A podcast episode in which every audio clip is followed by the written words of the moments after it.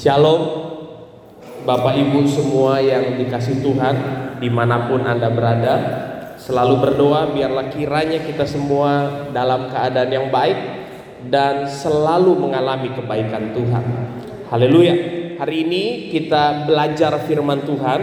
Kita akan melihat beberapa cerita Kita akan melihat beberapa ayat-ayat Alkitab yang Mari sama-sama kita izinkan Roh Kudus berbicara dan mengajari kita sesuatu. Um, ibadah offline di beberapa tempat akan mulai untuk diadakan kembali. Dan saya mempercayai ini yang Tuhan taruh dalam hati saya kita pun harus mulai kembali mempersiapkan diri. Kembali melakukan perenungan-perenungan pribadi. Kembali mempersiapkan seluruh hati kita untuk menghadapi hal-hal yang baru di dalam kehidupan kita ini. Um, kalau yang sering bertemu dan mendengar, saya mempercayai bahwa ke depan hal-hal akan akan sangat berbeda, tidak akan kembali menjadi seperti yang dulu yang biasanya terjadi ada di sekeliling kita. Ke depan hal-hal baru akan sangat banyak kita jumpai dan kita temui. Baik. Maka itu kita harus kembali merenung, membangun prinsip dasar, membangun fundamental di kehidupan kita supaya kita siap. Baik, nah yuk kita lihat ayat Alkitab di dalam bilangan pasal yang ke-20 ayat yang kedua. Kita bilangan pasal yang ke-20 ayat yang kedua. Ada sebuah cerita yang terjadi antara Musa, Harun dan bangsa Israel. Pada suatu kali ketika tidak ada air bagi umat itu, berkumpullah mereka mengerumuni Musa dan Harun dan bertengkarlah bangsa itu dengan Musa. Katanya, sekiranya kami mati binasa pada waktu saudara-saudara kami mati binasa di hadapan Tuhan, Mengapa kamu membawa jemaah Tuhan ke padang gurun ini supaya kami dan ternak kami mati di situ? Mengapa kamu memimpin kami keluar dari Mesir untuk membawa kami ke tempat celaka ini yang bukan tempat menabur tanpa pohon ara, anggur dan delima, bahkan air minum pun tidak ada. Seperti yang kita semua ketahui bahwa bangsa Israel adalah bangsa yang sangat hobi mengeluh, bersungut, menyalahkan orang-orang lain. Nah, tapi Musa dan Harun memiliki sebuah respon yang baik. Maka pergilah Musa dan Harun dari umat itu ke pintu kemah pertemuan lalu sujud. Kemudian tampaklah kemuliaan Tuhan kepada mereka Tuhan berfirman kepada Musa. Mari kita ambil perhatian pada firman Tuhan kepada Musa. Ambillah tongkatmu itu dan engkau dan Harun kakakmu harus menyuruh umat itu berkumpul. Katakanlah di depan mata mereka kepada bukit batu itu supaya diberi airnya Demikianlah engkau mengeluarkan air dari bukit batu itu bagi mereka dan memberi minum umat itu serta ternaknya. Jadi Tuhan kasih firman kepada Musa, ambil tongkatmu, katakanlah kepada batu. Ayat ke-9, lalu Musa mengambil tongkat itu dari hadapan Tuhan seperti yang diperintahkannya kepadanya. Ketika Musa dan Harun telah mengumpulkan jemaah itu di depan bukit batu itu, berkatalah ia kepada mereka, "Dengarkanlah kepadaku hai orang-orang durhaka, apakah kami harus mengeluarkan air bagimu dari bukit-bukit batu ini?" Sesudah itu Musa mengangkat tangannya lalu memukul bukit batu itu dengan tongkatnya dua kali. Maka keluarlah banyak air sehingga umat itu dan ternak mereka dapat minum. Tetapi Tuhan berfirman kepada Musa dan Harun, "Karena kamu tidak percaya kepadaku dan tidak menghormati kekudusanku di depan mata orang Israel, itulah sebabnya kamu tidak akan membawa jemaah ini masuk ke negeri yang akan kuberikan kepada mereka. Itulah mata air Meriba tempat orang Israel bertengkar dengan Tuhan dan ia menunjukkan kekudusannya di antara mereka. Bapak Ibu, Musa adalah pribadi yang sangat bagus, keren banget. Tapi dari cerita ini kita bisa menyadari bahwa siapa pun kita, sehebat apa pun kita, sebagus apa pun kita, seluar biasa apa pun kita dipakai Tuhan, selama kita manusia, kita harus tetap berjaga dan mawas diri. Dan mungkin kita adalah jemaat Tuhan. Mungkin kita adalah orang-orang percaya. Kita juga harus mengingat ini bahwa ketika kita look up kepada seseorang, kita memandang tinggi seseorang, kita menyukai, mengidolakan seseorang, kita harus terus menyadari dan ingat ini bahwa sehebat apa pun orang itu, selama dia adalah manusia, tetap dia rentan kepada kelemahan. Itu dia. Jadi jangan menjadi gampang kecewa hanya karena melihat seseorang lain melakukan kesalahan ataupun melakukan kegagalan. Tapi saya percaya cerita ini ditulis bukan untuk menjelekan sebuah tokoh Alkitab yang bernama Musa, tapi Tuhan dan Roh Kudus ingin kita belajar dari kehidupan Musa. Kita belajar dari kehidupan yang dicatat di dalam Alkitab ini. Nah, Bapak Ibu, mari kita lihat satu demi satu. Saya merenungkan bahwa manusia itu bisa berhasil, bisa sukses, salah satunya adalah tiga faktor ini. Yang pertama, karena mereka punya karunia. Yang kedua, karena mereka punya karisma. Dan yang ketiga, karena mereka punya karakter. Karunia, karisma, karakter. Ketiganya adalah hal yang penting. Kita tidak boleh tidak memiliki salah satunya. Ketiganya adalah hal yang kita perlukan. Tapi ini yang harus kita jaga di kehidupan kita. Jangan sampai ada satu atau dua yang lebih besar daripada yang lain. Yang seharusnya kita harus mengetahui mana yang paling penting yang harus ada di dalam kehidupan kita.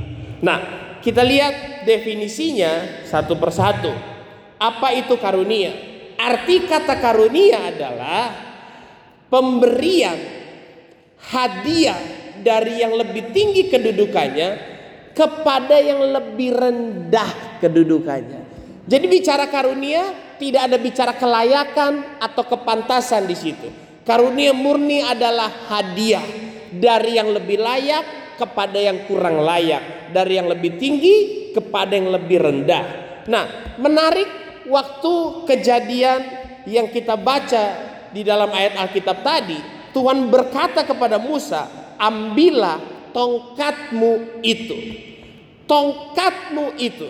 Saya mempercayai dari sekolah minggu cerita ini berkali-kali diceritakan kepada kita bahwa Musa memulai pelayanannya dengan tongkat yang ada di tangannya. Mari kita lihat keluaran pasal yang keempat ayat yang pertama.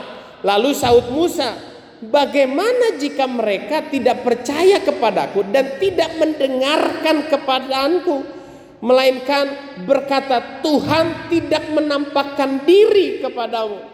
Pada waktu Musa dipanggil Tuhan, diberikan perintah sama Tuhan, maka Musa meminta sebuah pegangan. Tuhan, kalau bangsa ini nggak percaya bagaimana? Lalu ayat kedua dikatakan Tuhan berfirman kepadanya, apakah yang ada di tanganmu itu? Jawab Musa, tongkat. Firman Tuhan, lemparkanlah itu ke tanah dan ketika dilemparkannya ke tanah, maka tongkat itu menjadi ular sehingga Musa lari meninggalkannya. Dan kemudian cerita berikutnya ular itu dipegang ekornya dan kembali menjadi tongkat dan sepanjang pelayanannya Musa tongkat menjadi sebuah alat, sebuah senjata, sebuah tanda untuk melakukan banyak perkara dan mujizat. Pada waktu Musa berhadapan dengan Firaun, tongkat itu dipakai berkali-kali untuk membuat air menjadi darah, untuk mendatangkan belalang, nyamuk, bahkan membelah lautan. Musa mengangkat tongkat itu. Tongkat menjadi karunia, menjadi sebuah alat, sebuah hal yang menjadi membuat Musa bisa melakukan banyak hal, menyelesaikan banyak kehendak Tuhan di dalam pelayanan Musa. Tongkat menjadi contoh karunia untuk Musa. Nah, sekarang kita mau lihat apa itu karisma. Arti kata karisma adalah keadaan atau bakat yang dihubungkan dengan kemampuan luar biasa dalam hal memimpin untuk membangkitkan, perhatikan ini, untuk membangkitkan pemujaan dan rasa kagum dari orang lain terhadap dirinya. Saya ulangi, karisma adalah keadaan, bakat, atau peristiwa yang akhirnya menghasilkan kemampuan luar biasa dalam hal kepemimpinan seseorang sehingga orang lain memandang dia hebat, memandang dia luar biasa, memandang dia wow orang ini diurapi sekali, orang ini dipakai Tuhan sekali, orang ini dahsyat luar biasa sekali.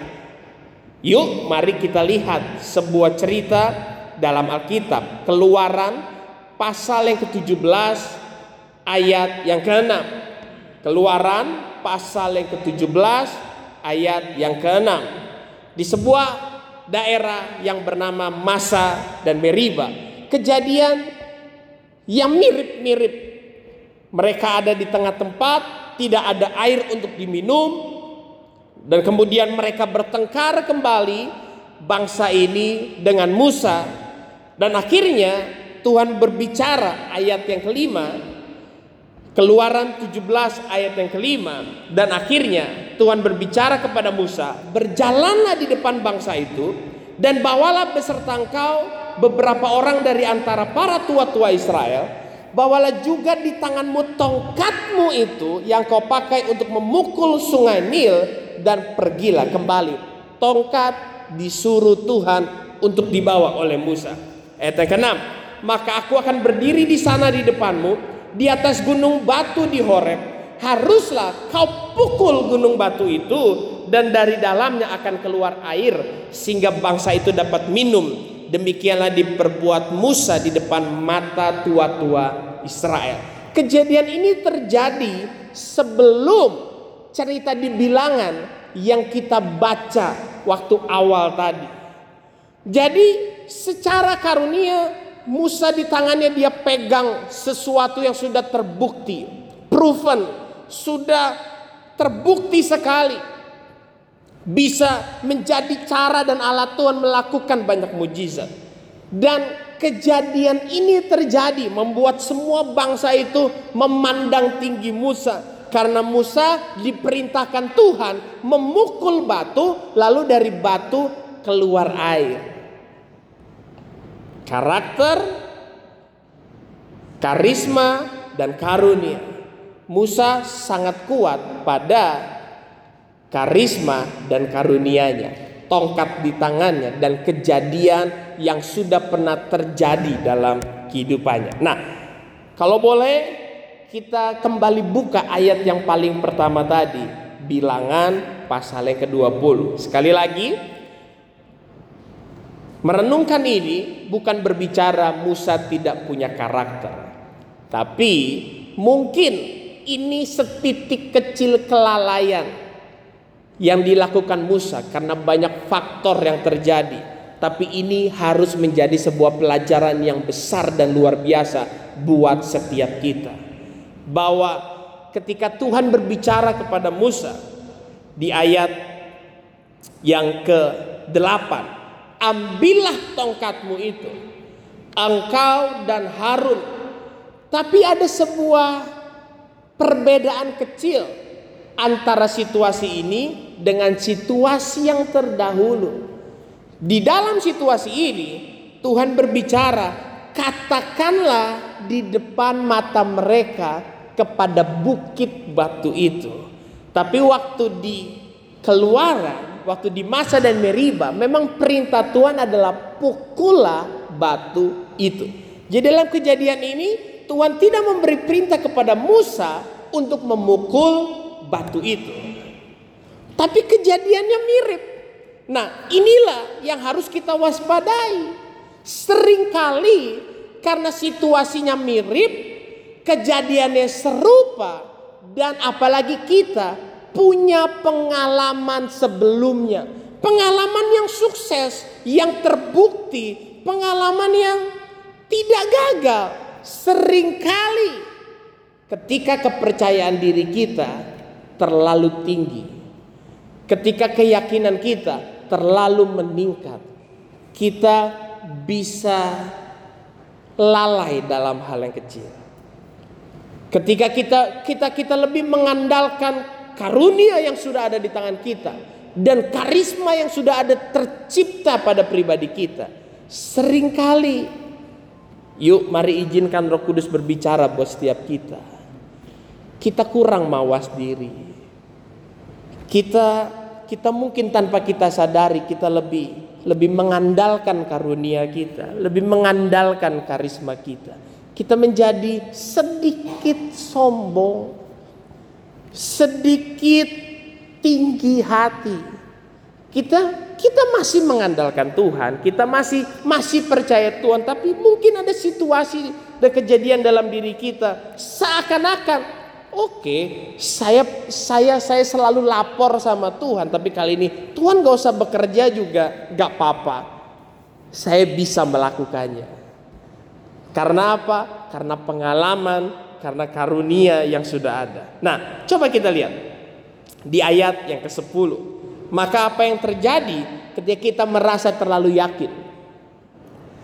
Ketika kita merasa terlalu yakin ayat ke-9 lalu Musa mengambil tongkat itu di hadapannya seperti yang diperintahkan Tuhan kepadanya, maka ketika Musa mengumpulkan jemaah itu di depan bukit batu berkatalah ia kepada mereka, "Dengarkanlah kepadaku hai orang durhaka." Perhatikan garis bawahi garis bawahi kalimat ini.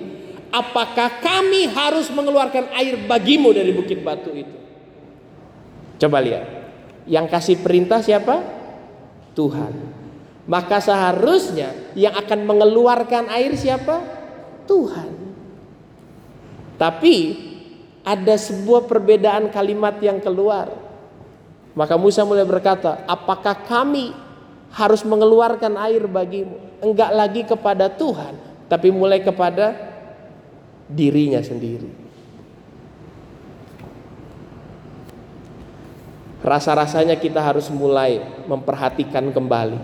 Kalau kita mulai sangat sering, saya tahu, saya biasa, saya bisa, kita harus mulai kembali memperhatikan. Jangan-jangan itu tanda kita lebih mempercayai pengalaman kita, karunia kita, karisma kita.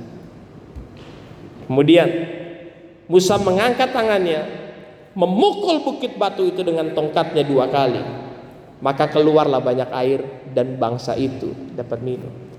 Ini yang menurut saya pribadi, saya berdoa Roh Kudus berbicara pribadi kepada saudara, mengajari saudara semuanya. Tapi ini menjadi perenungan saya pribadi dan jujur saya pribadi ngeri bahwa meskipun Musa mengalami kelalaian kecil.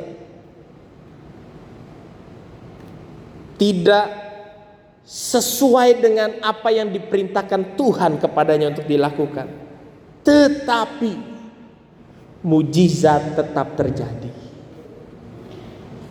Sebuah perkara hebat tetap terjadi. Saya rasa ini harus betul-betul kita renungkan bahwa prestasi kesuksesan, perkara yang ajaib tidak boleh menjadi acuan, tidak boleh menjadi ukuran bahwa kita ini masih murni dan tulus. Hanya karena pelayanan kita masih membuahkan mujizat, kita masih bisa bikin orang lain bertobat, kita masih bisa membuat orang lain terima Yesus. Sama seperti cerita ini.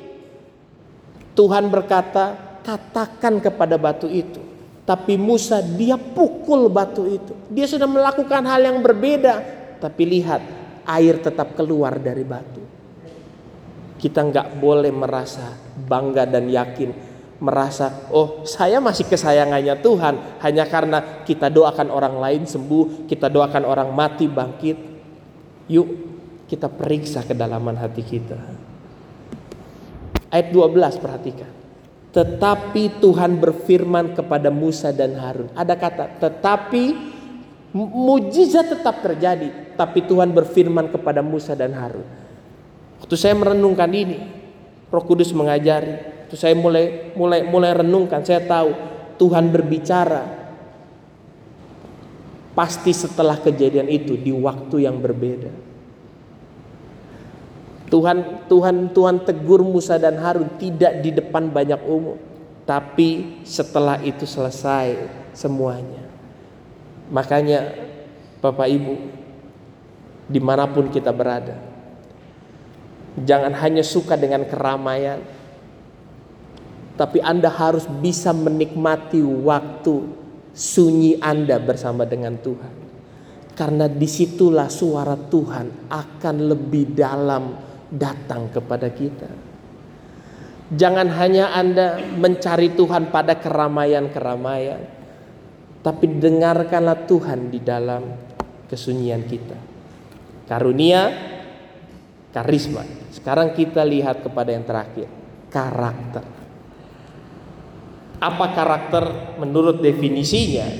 Definisi karakter adalah sifat akhlak budi pekerti yang membedakan seseorang dengan yang lain. Yang membedakan seseorang dengan yang lain. Kita mau belajar lihat dari dua tokoh. Sekali lagi, saya tidak lagi memberitakan bahwa tokoh yang satu lebih bagus dari tokoh yang lain. Tidak, dua tokoh ini luar biasa. Tapi kita harus belajar nilai-nilai yang ada dari kehidupan mereka. Mari kita lihat sebuah ayat di dalam kisah para rasul 13 ayat yang ke-22. Saya rasa ini ini ini ayat yang populer. Setelah Saur disingkirkan, Allah mengangkat Daud menjadi raja mereka. Tentang Daud Allah telah menyatakan, aku telah mendapat Daud bin Isai seseorang yang berkenan di hatiku dan yang melakukan segala kehendakku. Seseorang yang berkenan dan yang melakukan segala kehendak Tuhan.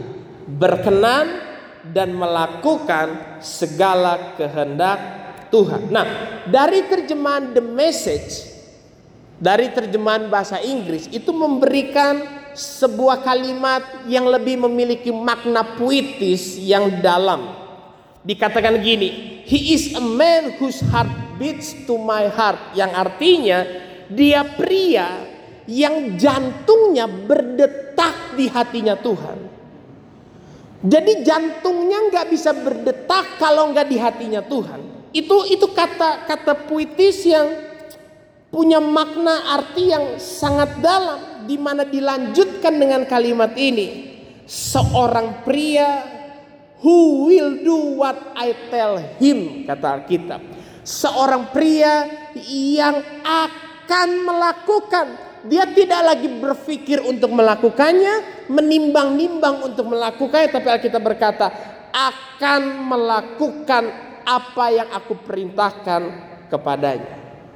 Maka itu kedek kedekatan seseorang kepada Tuhan.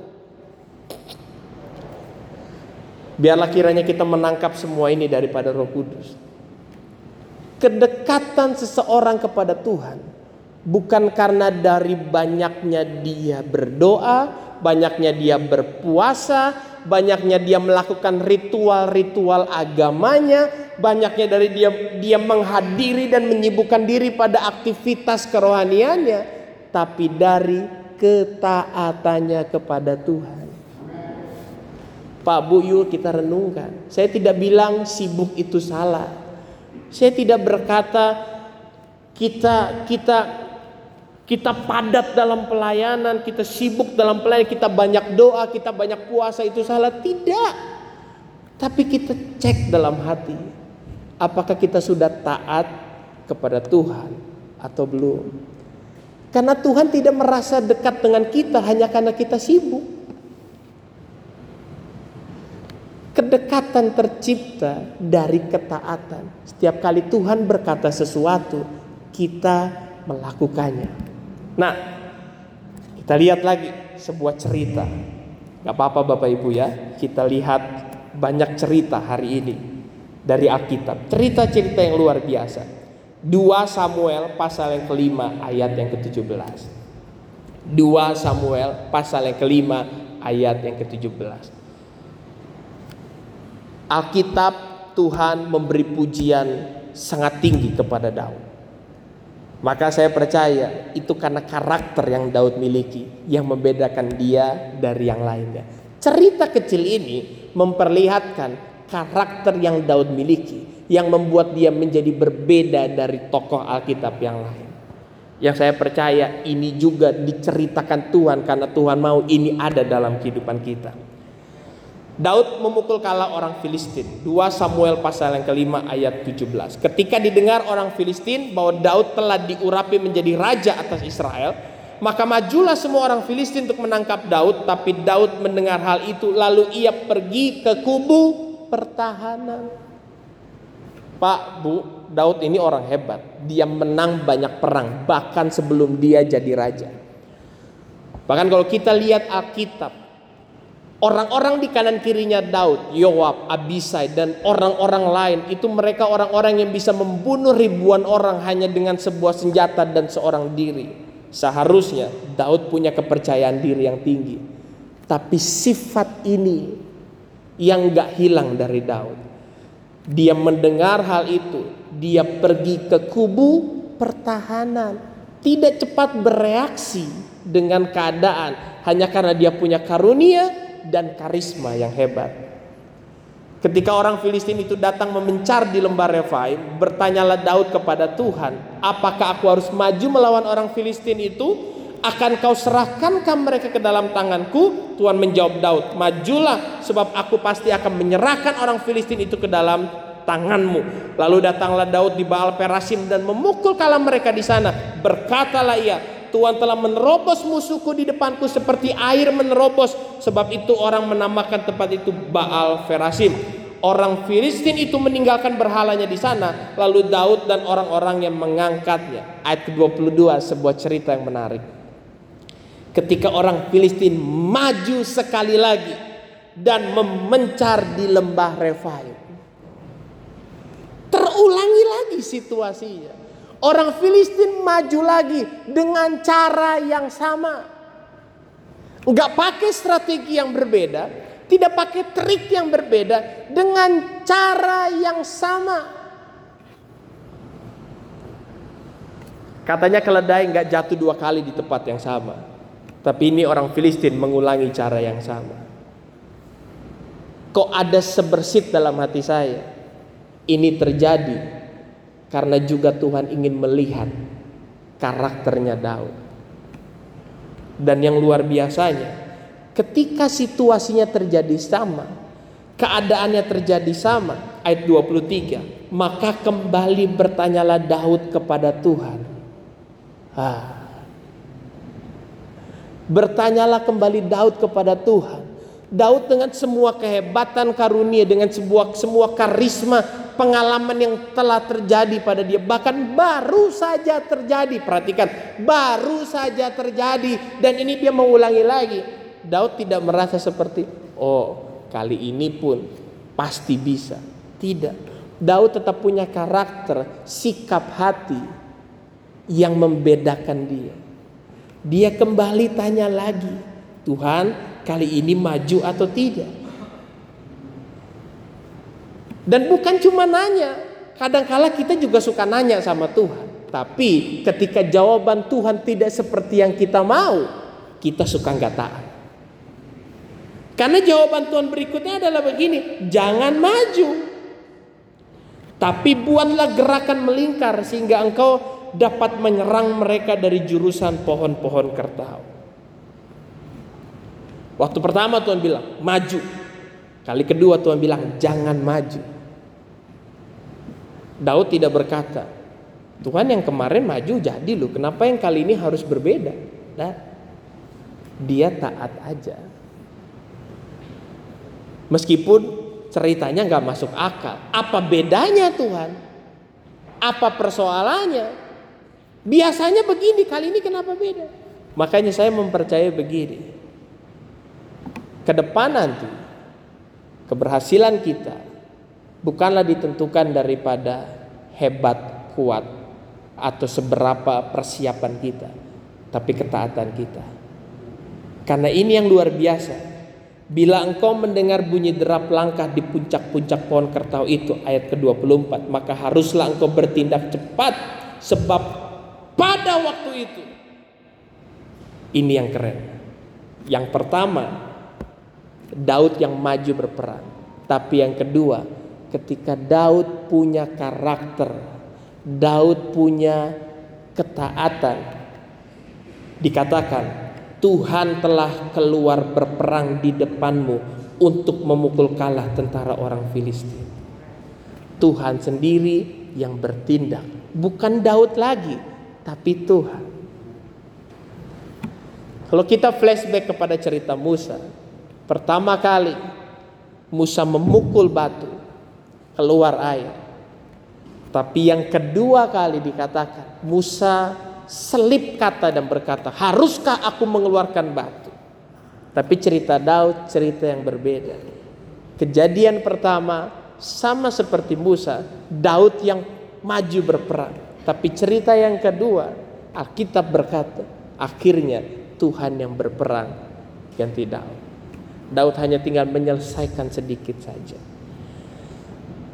Karakter inilah yang akan membedakan seseorang dari orang yang lain. Dan saya berdoa biarlah kiranya kita semua memiliki karakter seperti ini.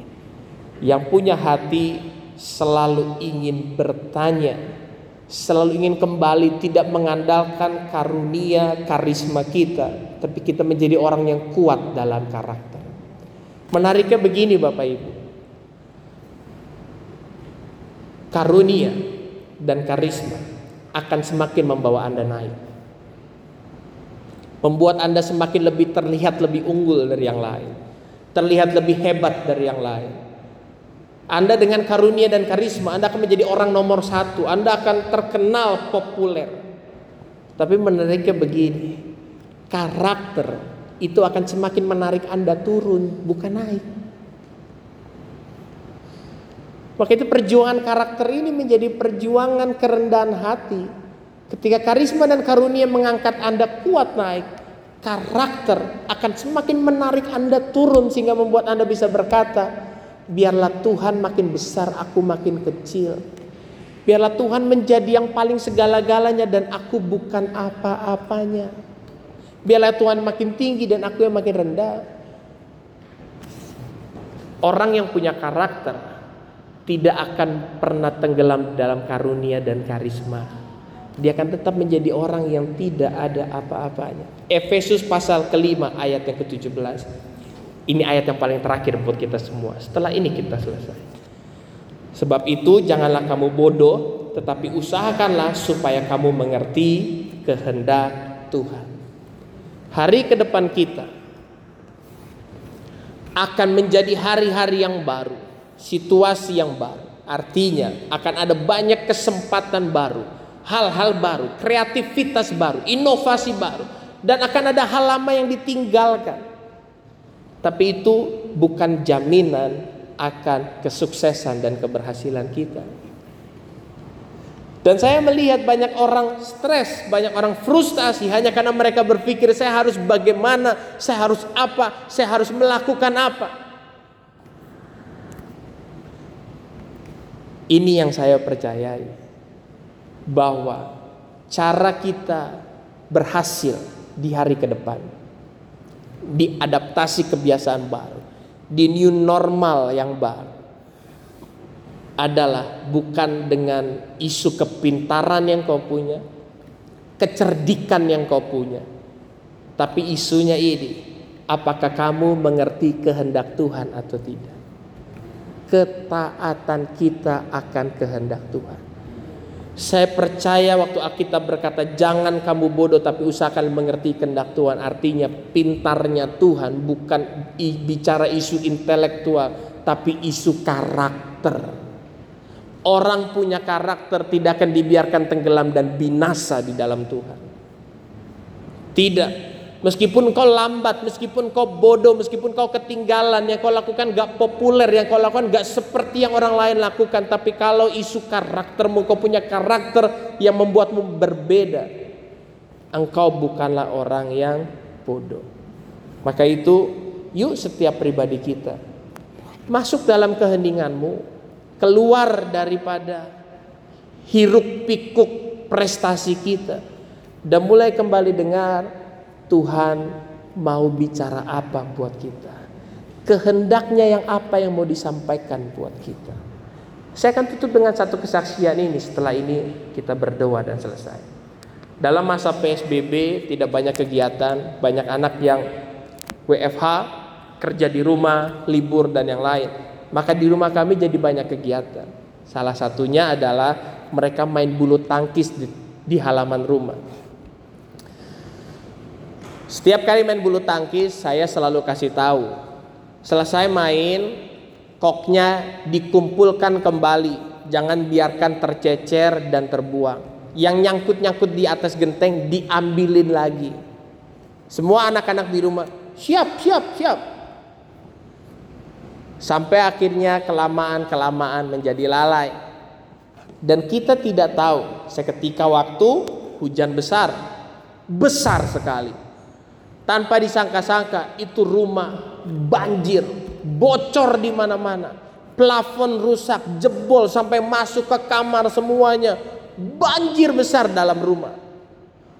Waktu kita di tengah-tengah kerusakan rumah itu kita cari apa penyebabnya. Ternyata ada satu kok nyangkut di plafon talang air sehingga airnya luber ke mana-mana. Satu kok bekas nggak ada harganya, nggak ada nilainya, kecil. Tapi bisa menyebabkan kerusakan besar di sebuah rumah. Dan merepotkan kita orang banyak di rumah. Sebuah ketidaktaatan kecil bisa menyebabkan kerusakan dan kerepotan yang besar. Waktu terjadi itu, saya tahu ini Roh Kudus bicara. Roh Kudus juga bicara begini. Yuk, sama seperti sebuah ketidaktaatan kecil bisa menghancurkan bangunan besar. Dan kamu begitu seperti ah, hanya karena perkara kecil. Kita kaget, kita tercengang. Roh Kudus cuma berbicara begini. Kamu pun bisa terkaget. Hanya karena sebuah ketaatan kecil. Perhatikan ini Pak Bu. Yuk buka hati. Sebuah ketaatan kecil. Anda akan bisa dibikin terkaget, tercengang. Karena ternyata sebuah ketaatan kecil yang mungkin tidak populer bisa membangun sesuatu yang besar. Bisa mendampakkan sesuatu yang luar biasa. Bisa menghasilkan sesuatu yang besar yang kita tidak akan pernah sangka. Maka itu carilah Tuhan dan kehendaknya dan taatilah itu. Amin buat firman Tuhan.